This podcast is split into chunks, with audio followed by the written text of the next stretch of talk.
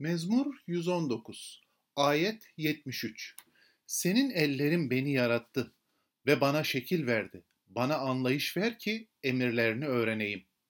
Tanrı'nın bizi yaratan Rab olduğunu düşününce kim olduğumuzu, kime ait olduğumuzu hatırlamamız gerekir.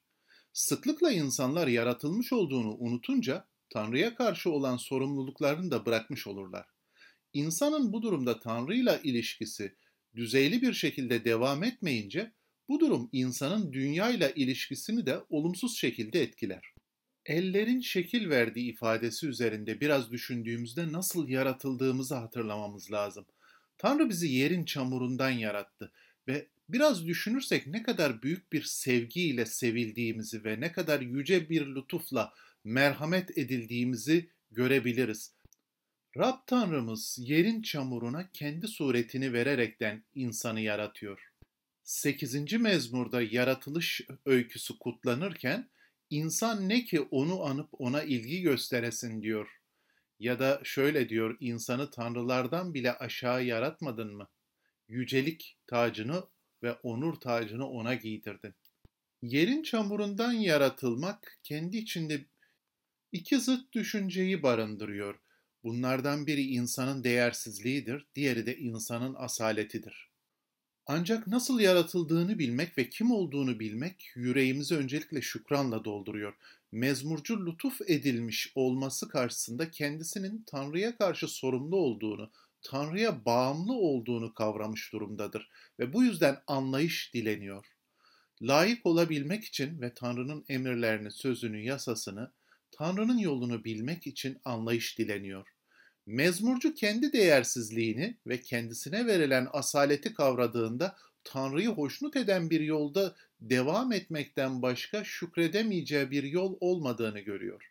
Ve Tanrı'ya layık övgü sunmak için, Tanrı'ya layık olan saygıyı ve yüceliği sunabilmek için onu en derin şekilde tanımak istiyor.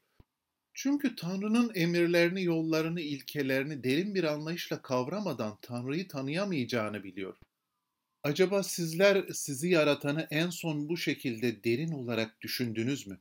Ya da onu tanımayı en son ne zaman istediniz? Kendisini sözünde, yasasında, ilkelerinde açıklayan bu Tanrı'ya bağımlı olabilmeyi, onu yakından tanımayı en son ne zaman düşündünüz? İkinci Korintler mektubunda şöyle diyor. Mesih İsa'yı Rab, kendimizi de İsa uğruna kullarınız ilan ediyoruz. Burada şuna dikkat çekiyor ayet. Mesih İsa bizim Rabbimizse bizler kiliseye hizmet eden kullar gibi alçak gönüllü, gayretli, sevgi dolu kimseler olmamız gerekiyor. Neden öyle olmamız gerekiyor? Çünkü Tanrı'nın kurallarını, ilkelerini, yollarını tanıdıkça Tanrı'ya bağımlı olmayı öğreniyoruz. Hemen devam eden ayette şöyle diyor. Işık karanlıkta parlayacak diyen Tanrı, İsa Mesih'in yüzünde parlayan kendi yüceliğini tanımamızdan doğan ışığı bize vermek için yüreklerimizi aydınlattı. Yani Tanrı suretinde yarattığı, çamurdan yarattığı bu insana aynı zamanda bir aydınlanış veriyor. Onu tanımamız için yollar açıyor. Böylelikle insanın değersizliği ve asaletinin nasıl iç içe geçmiş olduğunu görüyoruz. Bu yüzden devam eden ayette de şöyle diyor. Üstün gücün bizden değil, Tanrı'dan kaynaklandığı bilinsin diye bu hazineye toprak kaplar içinde sahibiz. Yani ayet diyor, diyor ki, Rab diyor sizi öyle bir güzel şekilde aydınlattı ve bereketledi ki üstün bir gücünüz var. Ama bu güce ve bu ışığa toprak kaplar içinde sahipsiniz. Öyleyse Tanrı'yı tanıma arzumuz aynı zamanda onu hoşnut eden yolda yürüme arzumuzla beraber olmalı ve aynı zamanda Tanrı sözüne veya Tanrı'nın ilkelerine, yollarına ondaki anlayış gücünü bize versin ve biz böylelikle gerçekten sözün gücünü anlayalım. Böylelikle kim olduğumuzu anlayalım ve böylelikle Tanrı'nın kim olduğunu görelim diye düşünmemiz gerekir. Kendisini sözünde açıklayan Tanrı'yı tanıdıkça kendimizi ve kendi yerimizi de daha iyi anlayacağız.